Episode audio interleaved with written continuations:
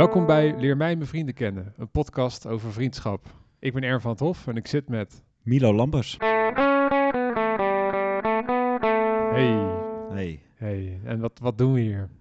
Ehm, ja, wij gaan een eh, podcast eh, opnemen over eh, misschien wel de meest universele zaak van de wereld, namelijk vriendschap. Ja, En ja, ik zat een tijdje geleden op de fiets te luisteren naar een podcast van Oeverloos van Kink FM.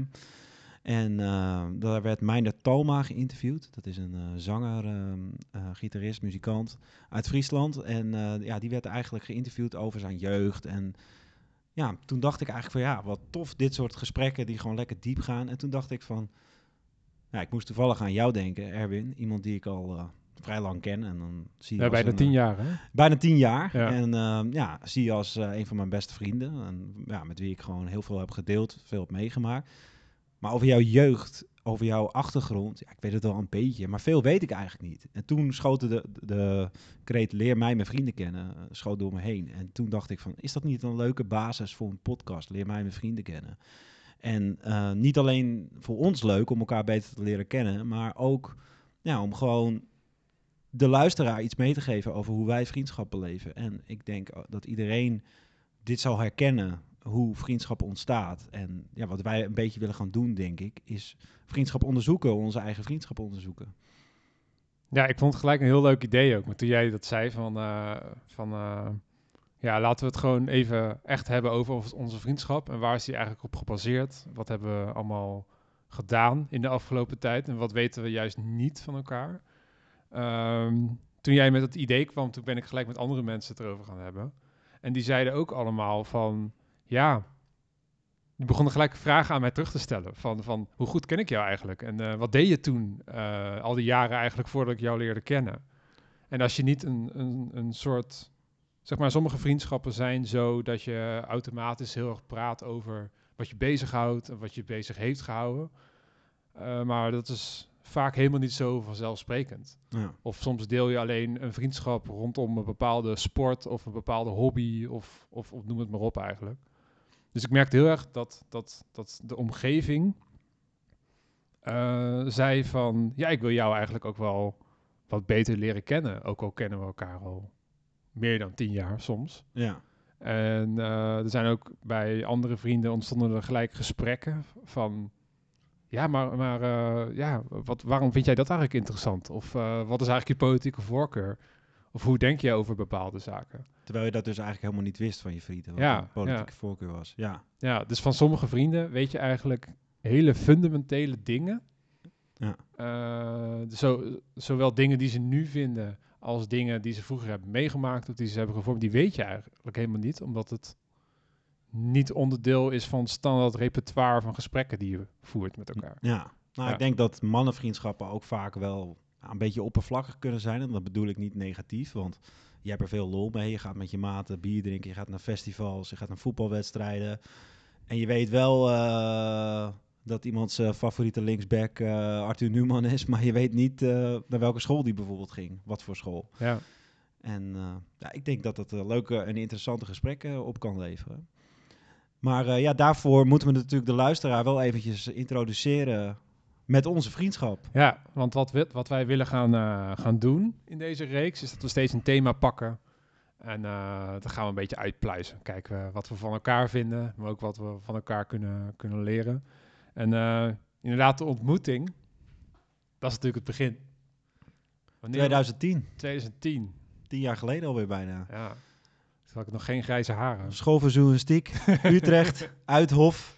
Ja. Voor wie eh, nog nooit op deze eh, plek is geweest, het is een eh, campus. ja, ik vind het altijd een beetje een sfeerloze plek eigenlijk. Het is echt een leerfabriek. Mensen komen er om colleges te volgen, om opdrachten te maken, toetsen te maken en gaan dan weer weg. En ik woonde ook nog daar. In die container. In een container, ja, in een studentencontainer. En ja, daar eigenlijk vlak bij mijn huis was de school voor journalistiek, waar wij alle twee op zaten. En eh, ja, volgens mij in de bovenbouw, derde, vierde jaar, dan kun je opgeven wat je wilt doen, keuzevakken. En een van die keuzevakken was krant van de toekomst. Ja, de krant van de toekomst. Ja, en de krant van de toekomst, Dat was een idee om een dagblad te maken. En dus je voor te bereiden om bij een dagblad te werken. Maar het was ook een idee van, jongens, vertel het maar. Hoe gaan we de krant redden? Want ook toen al, tien jaar geleden, ging het niet zo goed met de kranten. Ehm, weet jij nog waarom je koos voor Krant van de Toekomst? Ja, Ik heb e- echt geen idee. Ik wist dat, ik wist dat we het daarover gingen hebben. Ik, niet echt, niet echt een, een, een reden of zo. Het, het was meer van, nou, het lijkt me wel interessant om na te denken over nieuwe manieren om verhalen te vertellen. En ook om te zorgen dat er een, dat er een businessmodel achter zit wat klopt. Maar ik had niet een hele uitgesproken manier, eh, reden om het, om het te kiezen. Ik denk als ik aan mezelf denk in die tijd, nam ik het ook allemaal niet zo heel serieus hoor. Dat was gewoon, ja, je moet een aantal vakken hebben. Nou, dat lijkt me wel leuk, nou, dan doe ik dat dan wel. Of je zo. had niet echt een duidelijk idee van, ik wil eh, Nee. bij de Volkskrant werken of bij Algemeen Dagblad. Ik wilde muziekjournalist journalist eh, worden. journalist geworden. nee, maar, maar daar me- later meer over. eh. Eh. Eh, ja, nou, Krant van de Toekomst. Waarom Ja. heb jij het gekozen dan? Nou, ik wist wel vrij zeker dat ik eh, de journalistiek eh, in wilde, dagbladjournalistiek in wilde. Ik, eh, ik schreef al voor de Alkmaarse Courant, Dagblad Kennemerland. En eh, ja, ik vond muziek ook heel leuk, maar ik had wel echt zoiets van, ik wil, ik wil bij een krant werken. Ja, dat sprak me gewoon altijd het meest aan. Schrijven en gewoon de druk van elke dag een verhaal afmaken, dat vond ik mooi. Dus daarom had ik, ja, was dat eigenlijk wel een, een makkelijke, makkelijke keuze. Ja, En ja, toen kwamen we in die, in die klas. En eh, we hadden een, eh, ja, kan ik wel zeggen, illu- illustere leraar.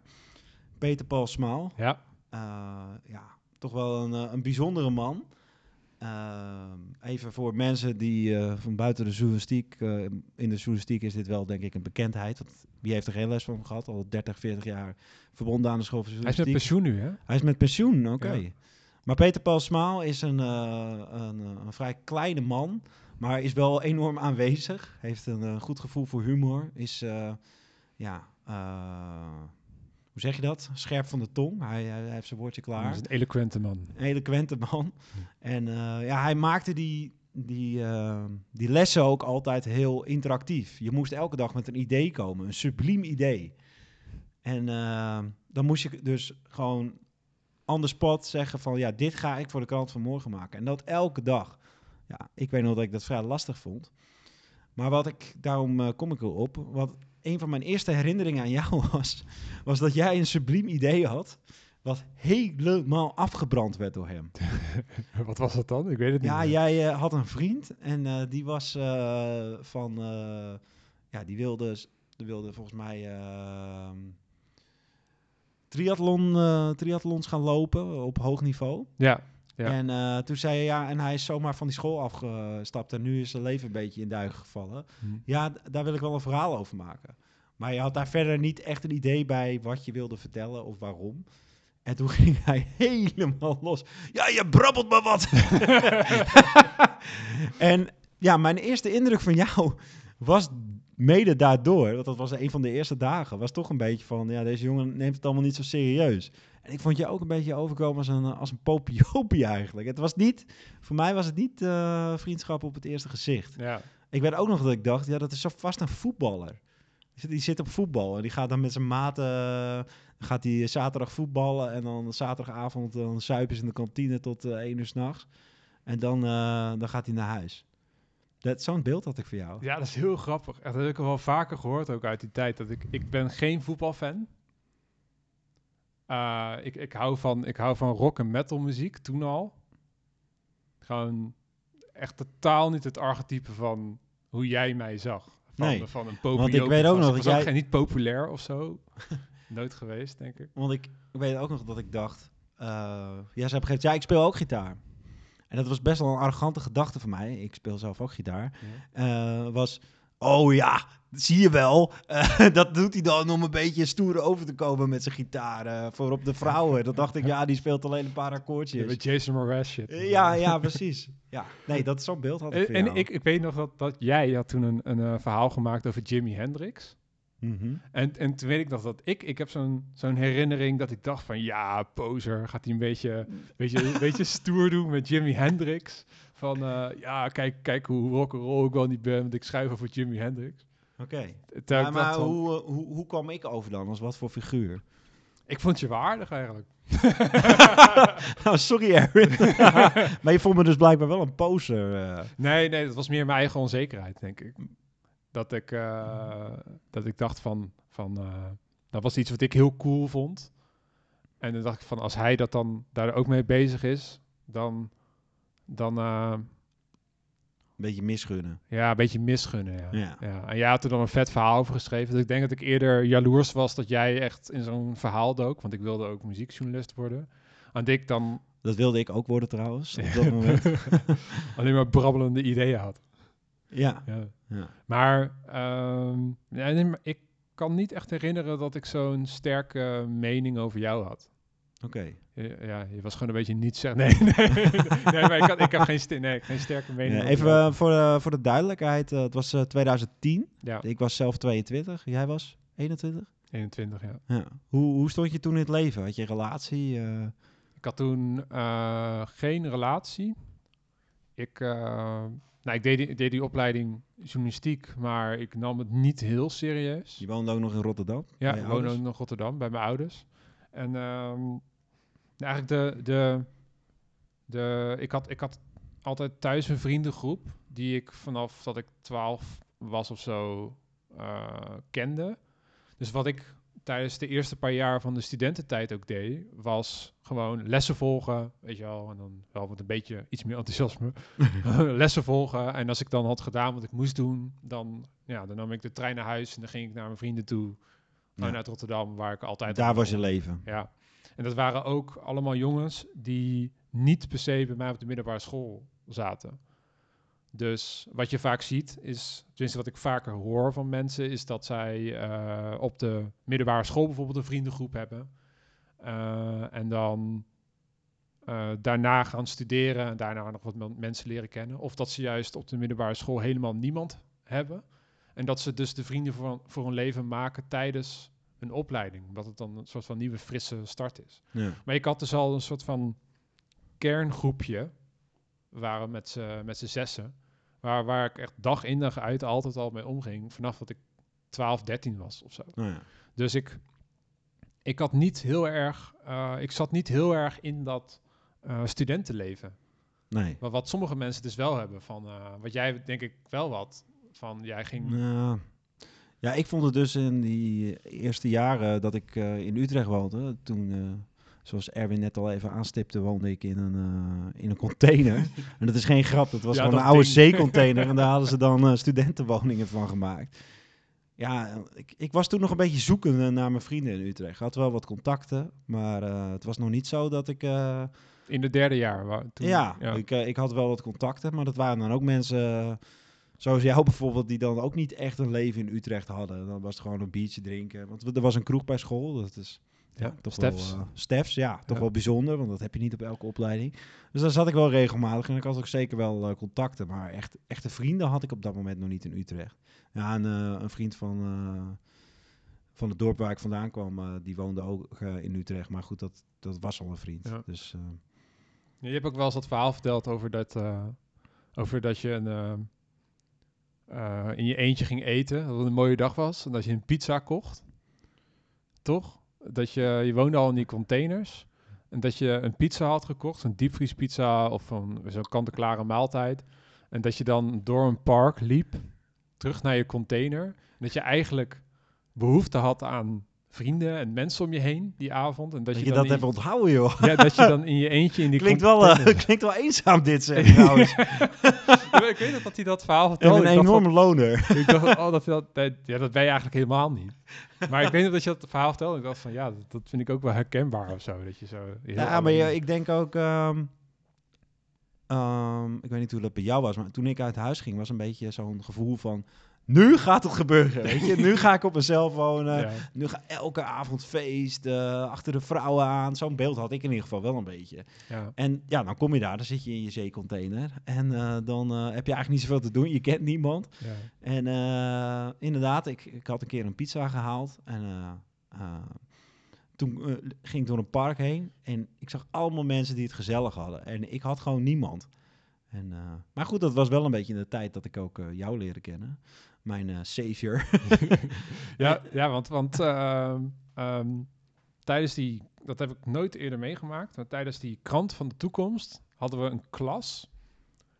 En ik weet niet of het door Peter Paul Smaal kwam of door, door, door gewoon de samenstelling van personen, maar vond het echt een hele leuke klas. Ja, dat is een van de leukste klassen waar ik in heb gezeten. Zeker van die opleiding. Zaten eh. allemaal figuren zaten erin. Ja, maar er was ook heel snel, wat ik nog heel goed weet, is dat wij zo serieus ook met die krant van de toekomst bezig waren. In ieder geval ik wel. Ik had echt zoiets met die krant van de toekomst. Ja, dit is de krant van de Ja. toekomst. En ehm, ja, mensen waren altijd op tijd, eh, hadden elke dag sublieme ideeën voor in de krant. Jij had En, een keer eh, ook een shirt aan met ik heb geen idee. Ik heb ja, dit moet je wel even uitleggen. Ja, ja, ja. Maar we- ja, tenminste, we moesten dus elke, elke les kwam er een soort van Gestapo-rondje van je moet een idee. Je moet een idee voor in de krant hebben. Ja, een idee voor in de krant hebben. En op een gegeven moment had jij een shirt aan ik heb geen idee. ik weet maar die leraar die ging er helemaal niet Nee, op in. En jullie gingen helemaal en dat stuk. jij van tevoren zat van, oh, dit, wordt- dit wordt echt heel erg grappig. en toen was het echt van, nou, Milo, heb jij een idee? Nee, ik heb geen idee. Nou, oké. maar het was, het, was, ehm, het was een klas met allerlei gewoon figuren erin, die heel erg aan het keten was, maar tegelijkertijd ook wel serieus aan het werk was. Ja, ja, dat was het. Het was eh, gewoon... Ik kan me ook nog wel herinneren dat we soms wel eens tot eh, 10, 11 uur op school zaten. En dan bestelden we gewoon Chinees. Ja, dan gingen we met z'n allen een En- stukjes En tikken. gingen we met z'n allen stukjes tikken. En, eh, en er was ook niemand die verzaakte of zo. Weet je, iedereen vond het leuk. En eh, Ja. het, was, eh, het was hard werken, maar wel op een goede manier.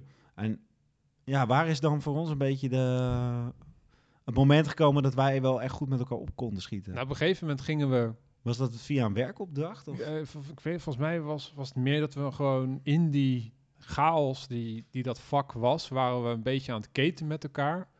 En op een gegeven moment ontstond er iets wat, wat, wat nooit meer gestopt is in een vriendschap. Er ontstond een soort running joke. Ja, Eh, dat hebben wij wel vaker. ja, en er was een running joke rond Bas en Adriaan. En ik weet niet meer precies wat het was. Ja, hoe is dat ontstaan dan? Het was, nou, het- er zijn twee dingen. Eén was, we hadden het de hele dag over Bas en Adriaan. en twee was dat, dat we random eh, Bohemian Rhapsody gingen zingen.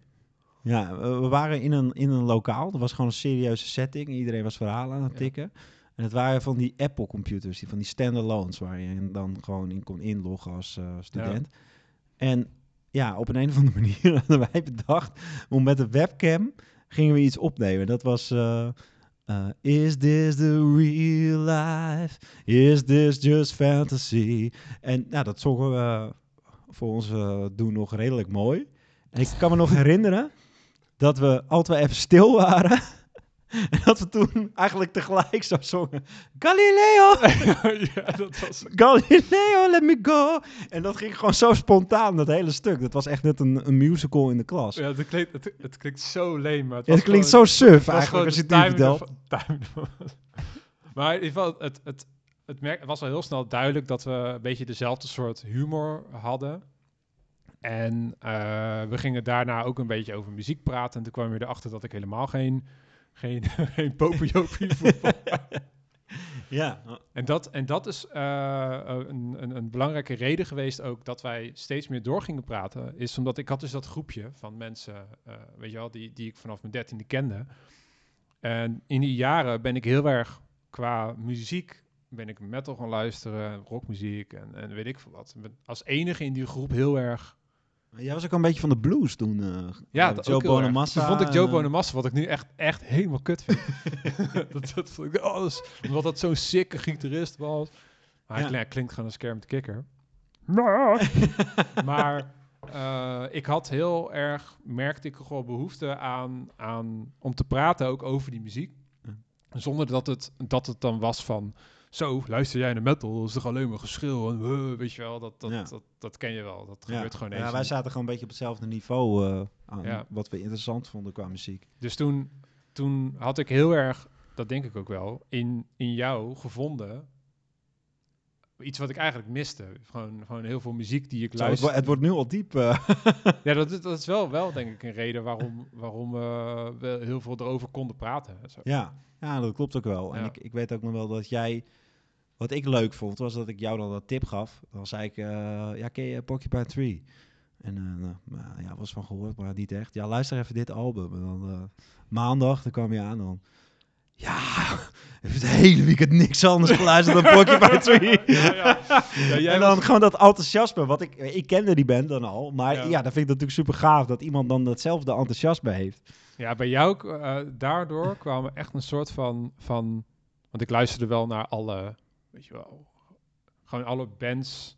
Weet je wel, Iron Maiden en, en, en Metallica en, en oh, noem het maar op. Alle grote, echt grote namen. En Mhm. ik denk dat Porcupine Tree is natuurlijk een hele grote, was een hele grote band. Steven Wilson. Nou, voor ons is het een grote band. Maar ik denk dit- voor het grote het publiek niche. Het is een niche. Je, Ja. je vindt het alleen als je, als je als iemand anders het vertelt of zo. Ja, Of als je ja. heel erg in, into progressieve muziek bent of zo. Ja. Dus het is niet dat ik het automatisch had gevonden. Want ik dus heel weinig eh, of geen vrienden had die naar alternatieve muziek luisterden. Ja. Ging er door jou echt een soort wereld open van, van allemaal bands. Ja. Met, met als hoogtepunt Tool. Dat was echt een soort van... Heb je dat ook van mij? Ja, dat heb ik van jou. Jeetje man. Dus ik was... Ik, was, eh, ik luister nog steeds bijna elke week al naar Tool. Ja. En dat... Voor eh, niet eh, metal en progressive rock liefhebbers die hier naar luisteren. Tool is een, ja, ik denk wel legendarische band. Met hele diepe teksten, met allemaal symboliek, ehm, ingewikkelde ritmepatronen. Dus ja, als je dat voor het eerst hoort en je houdt van dit soort muziek, dan is dat wel heel overweldigend. Ja, ze, ze, gewoon, ik had nog nooit zoiets gehoord. En dat, dat kwam dus heel erg, heel erg... ehm, je zegt wel, oh, we gaan diep. Maar dat, dat kwam heel erg samen in die... Weet je, ook leerde jou kennen, hadden een beetje hetzelfde humor. Weet je, ik bleef dan af en toe in de container slapen. Ja, En dan, en dan had jij, kwam jij met, eh, kwam jij met eh, weet je wel, zo'n cd van Tool, die echt, of ook, ook die cd-hoezen zijn ook heel sick. Er zitten allemaal van die eh, ehm, ja 3D-plaatjes. 3D-plaatjes in. Ja, en en dat zo. was toen eh, nog wel vrij nieuw. Ja. ja, nu, nu eh, krijg je het bij alles, maar... ja, van die super sicke artwork en zo. En moet je maar eens opzoeken. Als, je- als, je, als je dit luistert en je bent nooit van, eh, van Tool gehoord, moet je eens gewoon, als je de muziek niet leuk lijkt, kijk gewoon, google gewoon even Tool artwork. Ja. En dan krijg je allemaal van die, van die sicke shit met third eyes en eh, duizend En ogen. wat, en wat ik wel een beetje in jou had, was dat ehm, mijn vrienden die hielden er ook wel van. Ja, na een aantal jaren dat luisteren, zijn ze op een gegeven moment ook wel een beetje op uitgekeken. gekeken. en bij jou, ja, het voelde een beetje zo van, ik kan jou helemaal opvoeden met mijn muzieksmaak, helemaal indoctrineren. en dan ook, eh, ja, Erwin, ken, je dit? Nee, nog nooit van gehoord. En dan, ja, dan ging ik dat er weer enthousiast opzetten en dan jouw reactie peilen. En heel vaak vond je het dan heel gaaf. En, Ja. eh, Ja, dus we hadden ook toevallig dezelfde, eh, ja, dezelfde muzieksmaak. ja. Ook al kende ik heel veel van die bands nog niet. Ik zeg nog steeds wel eens van, eh, want jij bent echt zo'n zo'n wandelende muziekencyclopedie van... Nou, valt wel mee, maar... Ja, ja van, eh, ken je die band? Nee, want jij kent hem. Ja, weer ja, precies. Maar eh, dat is een heel belangrijk element geweest, denk ik. Die, die, we waren allebei eigenlijk op zoek naar een maatje in Utrecht. Ja, En eh, voor mij was het dan een bonus dat er nog eens iemand was die... Ja, een soort... soort het klinkt heel dramatisch, maar een soort leegte op... waarvan ik niet wist dat ik hem had, hoor. Maar Ja, meer dat ja, ik dacht van, nee, dat is gaaf. het was niet dat je naar bed ging en dat je dan eh, nog even zat te huilen van ik heb geen muziek. nee, nee. nee, oké, ik snap het. nee, maar dat heb je nog wel eens. Ja. Maar wat in die, die klas eh, was ook de dynamiek heel leuk. Er werden ook veel feestjes georganiseerd. Dat Ja. iemand gewoon zei van... eh, ja, ik heb een groot huis in Amsterdam en we gaan een feest vieren. En ja, daar kwam ook gewoon iedereen, hè. Maar bij die feesten werden er dan ook wel... ehm, ja, dat was natuurlijk wel... eh, bij- ik moet natuurlijk dit eventjes eh, ter sprake brengen. Er was er een eh, verkiezing van de hunk, Ja, ik, ik dacht Hunk. hunk van de klas. En eh, ja, dat, dat, dat was een beetje gebaseerd op Ranking eh the Stars. Een tv-programma van Paul de Leeuw. En dat was dan Ranking the Class. Dus dan moest je zeggen van ja, wie is de mo- mooiste jongen van de klas? Het mooiste meisje van de klas? En ehm, die Dennis, met wie wij veel optrokken, Mhm. Die eh, deed de organisatie van die, van die quiz. Ja. En, eh, de, en die had tegen ons gezegd. eh, want ja, wij waren gewoon een beetje eh aap op een rots natuurlijk. van ja, had gezegd, wij staan alle drie in die top Ja, drie want van de hunk de- van de klas. ja, want de klas kon dus stemmen en er moest een ranglijst maken van wie, wie is de grootste hunk van de, de klas. Ja. Dus wij wisten op een gegeven moment op die avond van wij staan in die top drie. Dennis, jij en ik. Ja, Nou, we hebben ons echt als een stel eh, 17-jarigen toen, Ja, nou, dat was- 14-jarigen. ja echt. Het was, het, weet je wat, wat het was? Het, het kon me niet eens schelen wat dan eruit kwam. We hadden het gewoon zo erg opgehyped in een soort van ik ben de hunk en jij niet. Ja, En toen, toen weet ik nog dat ik dat eh weet het, eh, Dennis werd dan derde, ik werd dan tweede en jij was dus de hunk van de klas. ja het was de, ontla- ik, de, ontlading, de ontlading was echt zo buiten proportie. Het was echt, yeah, ik ben de hunk van de klas. Super awkward. Bij mij. Nee, bij mij ook. Het was gewoon... En je, later zei je dat je daar heel verbaasd over was, toch? Dat, dat iemand jou een hunk zou vinden. Ja, ja, nou ja, dan, kijk, dan gaan we ook meteen alweer wat serieus. Maar het is wel interessant. Ja, ik was in die tijd echt heel eh, onervaren met vrouwen. Gewoon, ik had nog nooit echt een serieuze relatie gehad. Wat ook wel weer grappig is, want dat ontstond ook in die klas. Daar heb ik een eh, relatie aan overgehouden die ja, lange tijd heeft geduurd. En, ehm, maar inderdaad, ik was hunk van de klas. Ik dacht, hoe kunnen ze mij nou de hunk van de klas vinden? Dus ik was daar wel, omdat we het ook zo hadden opgehyped, was ik daar wel eh, content mee, moet ik zeggen. en ik was dan de adjunct hunk, De adjunct hunk, ja. omdat ik de tweede was. ja. Maar het was, het was de, gewoon de perfecte storm van, van leuke mensen. Op zich wel interessante stof om over na te denken. ja. Die krant van de toekomst werd een soort van customizable... Weet je wel, een beetje de voorloper van algoritmes. Die dan daarna eh, allemaal gekomen zijn. ja. Dus het, het was... En, voor- en, en voor ons was het gewoon heel erg... Aan de ene kant was je Bas en Adriaan eh, aan, aan het Ja, het was, het was van eigenlijk tussen heel flauw en toch ook wel serieus. Want Ja. wat je zegt, we waren wel echt aan het nadenken van... Ja, hoe kunnen we een krant maken op basis van wat op internet goed wordt gelezen? Op basis van, eh, van verschillende meningen, niet één signatuur, eh, politieke signatuur. En, ja, het was een interessante tijd, eh, denk ik. Ja, ja. En ehm, ja, ik kijk er altijd op met, met veel plezier eh, op terug. En ik kan me ook wel herinneren dat we toen in die tijd ook wel, ja, inderdaad die feestjes, dat jij bij, bij eh, bleef pitten. En dan hadden we altijd, eh, altijd, ja, wat jij zegt van die running gags. Het, ehm, het Bold Eagle Red Tomahawk verhaal. Wat was dat dan? Ja, ik weet niet hoe het ontstond. Eh, maar ja, het is ook zo, zo kinderachtig. Dat Als, zo als je het nu vertelt, Ja, dan denk je echt van... Jezus, wat zijn wij voor kinderen, man? nee, het, wa- het was gewoon van, dan had, een, van ons, een van ons twee had een, had een date of zo. En dan, had de- dan stuurden we berichtjes naar elkaar van Bold Eagle Report. Ja. Status Report Red Tomahawk. Dat, Ja, dat, dat was dat- zo, ja, als je het zo uitspreekt, klinkt het zo suf. maar het was wel... Daardoor hadden we elkaar wel helemaal gevonden. Ook dat creatieve. We waren altijd wel met creatieve ideeën bezig. Want we hadden toen ook al ideeën voor een tv-programma... waar we, denk ik, al eh, tien jaar... eh, Nou, serieuze eh, zaken. ja, het is nog steeds niet geproduceerd, maar... Ja, het is wel een idee waar we al tien jaar lol over hebben. Nee, serieuze zaken was, was het idee. Het idee was dat we een talkshow hadden. En dat je dan steeds probeert de kijker op, of de, de gast op, op het verkeerde been te zetten. Ja, we hadden bijvoorbeeld een idee dat we een soort Pauw en Witteman-achtige show hadden. En dat we dan... ja, we hadden het volgens mij altijd over Job Cohen, want die was toen, eh, zat hij in de politiek eh, bij eh, Partij van de Arbeid. Dat we die dan zouden uitnodigen, heel serieus zouden interviewen. En dat een van ons dan in een, een worst zou gaan snijden. En dat het heel subtiel zou beginnen. En op een gegeven moment dat je dan een vraag stelt en dat hij antwoord geeft en dan... Ja, ja, ja, ja, dat weten we nou wel. Dat soort... Ja, gewoon de hele tijd, maar we even uitpraten. Nee, ik laat weer uitpraten. Nee. Nee, ja, ja, ja. ja. We vinden het ook nog steeds leuk? Ja, maar het terwijl, terwijl het is, zeg maar, als je dit koud hoort, is het niet grappig. Het was dat we op een gegeven moment het idee hadden dat, dan, dat iemand dan in een studio komt.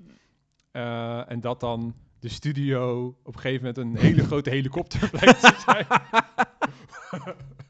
Dit is echt kroegpraten.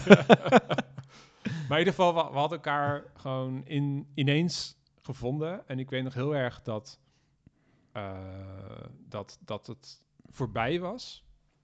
Gewoon die totale smeltkroes van, van eh, best wel leuk werk doen en tegelijkertijd ja, gewoon een beetje keten. En dan komt er zo'n moment dat het vak voorbij is. Dus dan hoef je elkaar niet meer te zien. ja. En ik kan me nog heel goed herinneren dat, nou ja, het was voorbij. Aan, het- aan het eind hadden we, hadden we, een, ver- hadden we een YouTube-filmpje gevonden van Bas en Adriaan die Bohemian Rhapsody zongen. De cirkel was rond. het cirkel was rond.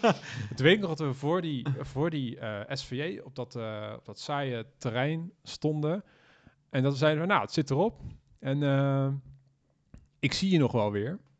Of zo. En toen liep jij naar je container en ik naar de bus. En dat ik toen echt dacht van, ik hoop dat ik hem nog wel vaker zie. En dat ik ook afvroeg van, gaat, het- gaan we nou nog vaker Ja, hangen? Of, of, of is dit, was het gewoon even leuk voor dit vak en is het nu voorbij? ja. Volgens mij eh, is dat vrij snel. eh, zijn we gewoon blijven afspreken, denk ik, of zo.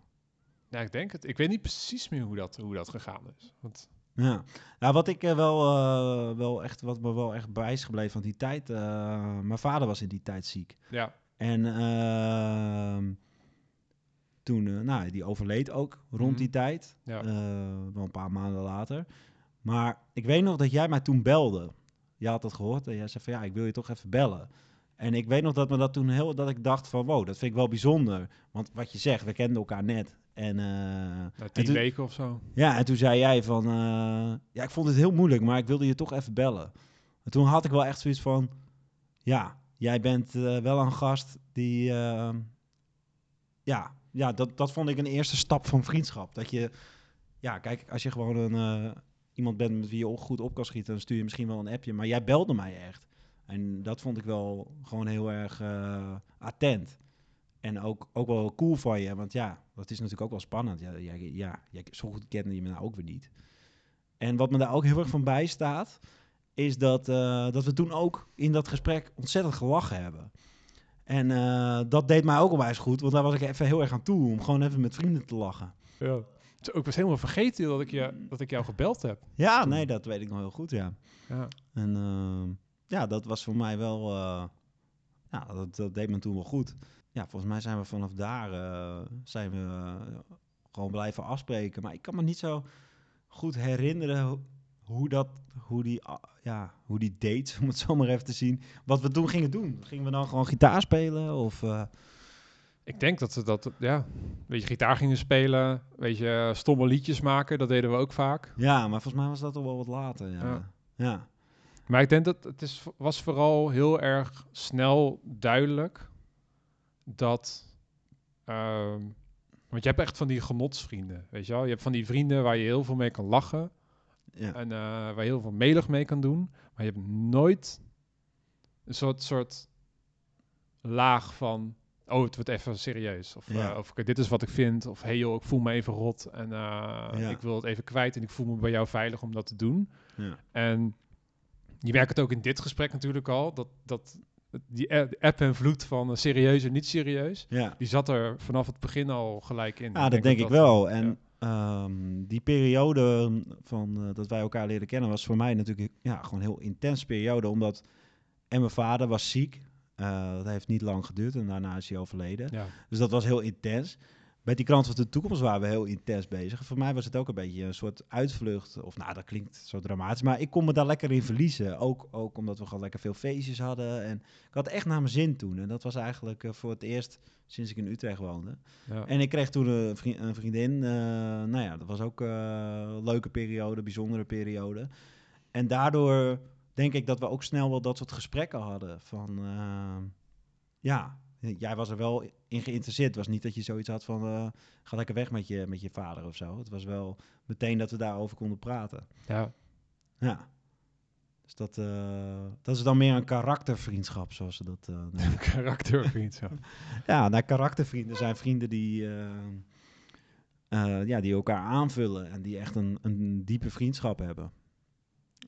Zeg maar ook ja, ehm, eerlijk tegen elkaar durven te zijn. Ja, en ondanks dat, want wij hebben wat afgeluld in de afgelopen tien jaar, dan weet ik nog heel veel dingen van jou niet. En Wat, wat noem eens iets wat je bijvoorbeeld echt niet van mij ik weet niet, ik weet niet, mijn god niet, jij hebt een hele opleiding gedaan voor de school voor journalistiek. Ja, weet je welke opleiding? Je Ja, dat, zou, dat, zou, dat is wel heel leuk. dat is toch ziek? Ja, dat En, jij dat niet eh, van me weet. Terwijl eh, ja, dat toch een deel van mijn leven is. Ja. En ook gewoon allemaal, allemaal, allemaal kleine dingetjes. Als je, zeker, we zijn allebei, eh, nou, ik ben 31, weet je wel, nu. En jij bent 32 of 33 al. 32. God. we zijn ook. Maar ehm, je ziet elkaar minder. Je ziet elkaar niet meer zo intens als zo'n als zo'n vak van Ja. vroeger. Dus als je elkaar ziet, dan ga je natuurlijk bijpraten. Maar er gaan altijd dingen verloren in, in, in de Ja. algehele samenvatting van hoe gaat het met jou. Ja. En gemoedstoestanden en dat soort dingen. En ik denk dat dat, dat iets is wat, waar deze podcast heel nuttig voor is. ja. Om ja, gewoon Maar- wat maar- Wat ook een interessante vraag is van... ehm, waarom weet jij dat niet van mij? Heb je dat nooit gevraagd dat ik een opleiding heb gedaan? Of heb ik zelf dat bewust een beetje ondergeschoven?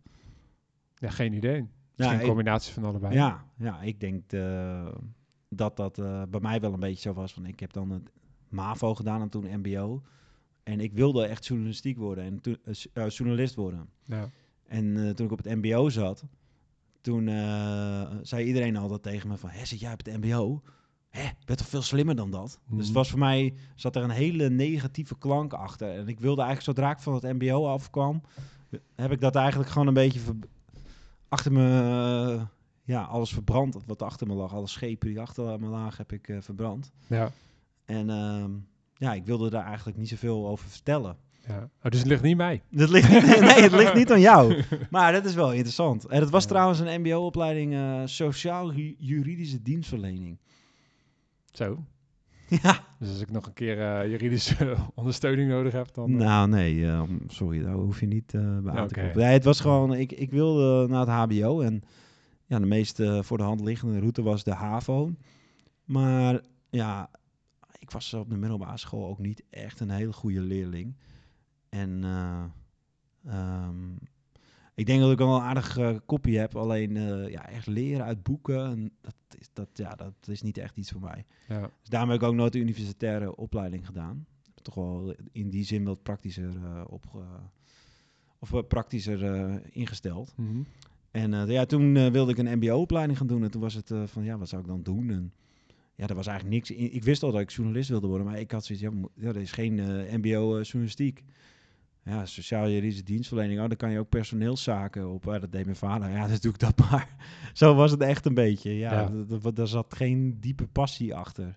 En eh, het, wa- het was ook niet zo'n hele leuke tijd eigenlijk. Zeker in het eerste jaar kwam ik in een klas waar niemand geïnteresseerd was in de stof. Ik, eh, ik kwam van eh Castricum en ja, echt waar, ik was 17 jaar oud. Ik kwam eh, op het mbo daar. En ik was in de minderheid. Ik als in, zeg maar, eh, Nederlandse jong of jongens met een Nederlandse achtergrond. waren allemaal mensen met een buitenlandse achtergrond. Ja, ik was dat totaal niet gewend. Dat klinkt heel raar nu, voor iemand die uit Rotterdam het, kwam. het, het witte bolwerk. Ja, ik kwam uit een wit dorp en Ja. ik, eh, ja, ik, ik moest daar wel aan wennen. En eh, verder daar zaten hele leuke mensen op hoor. Maar ik, ik ook gewoon hoe de instelling van veel leerlingen was, was gewoon voor ja, papiertje halen. En ja, daar had je al helemaal geen studentenleven. Toen ik op de school van journalistiek kwam, toen bloeide ik wel echt eh, bloeide ik wel op. Ja, Ja, dat is interessant. Dit, dit is al interessant. En, eh, de komende afleveringen willen we dus steeds een thema gaan pakken. En het dan over dit soort dingen gaan hebben. Zodat we elke aflevering een beetje van elkaar leren. En, dat is natuurlijk een reden waarom we dit opnemen. Dus omdat we hopen dat gesprekken zoals dit, gewoon open, eerlijke gesprekken over vriendschap, eh, dat die ook inspireren om, zel- ga zelf eens met een vriend praten. En eh, als je vragen hebt, dus stel gewoon die vragen aan die vriend. ja, Want ik denk dat het wel gewaardeerd wordt als mensen niet alleen maar genotsvrienden van elkaar zijn. Maar ook karakter, ja, karaktervrienden.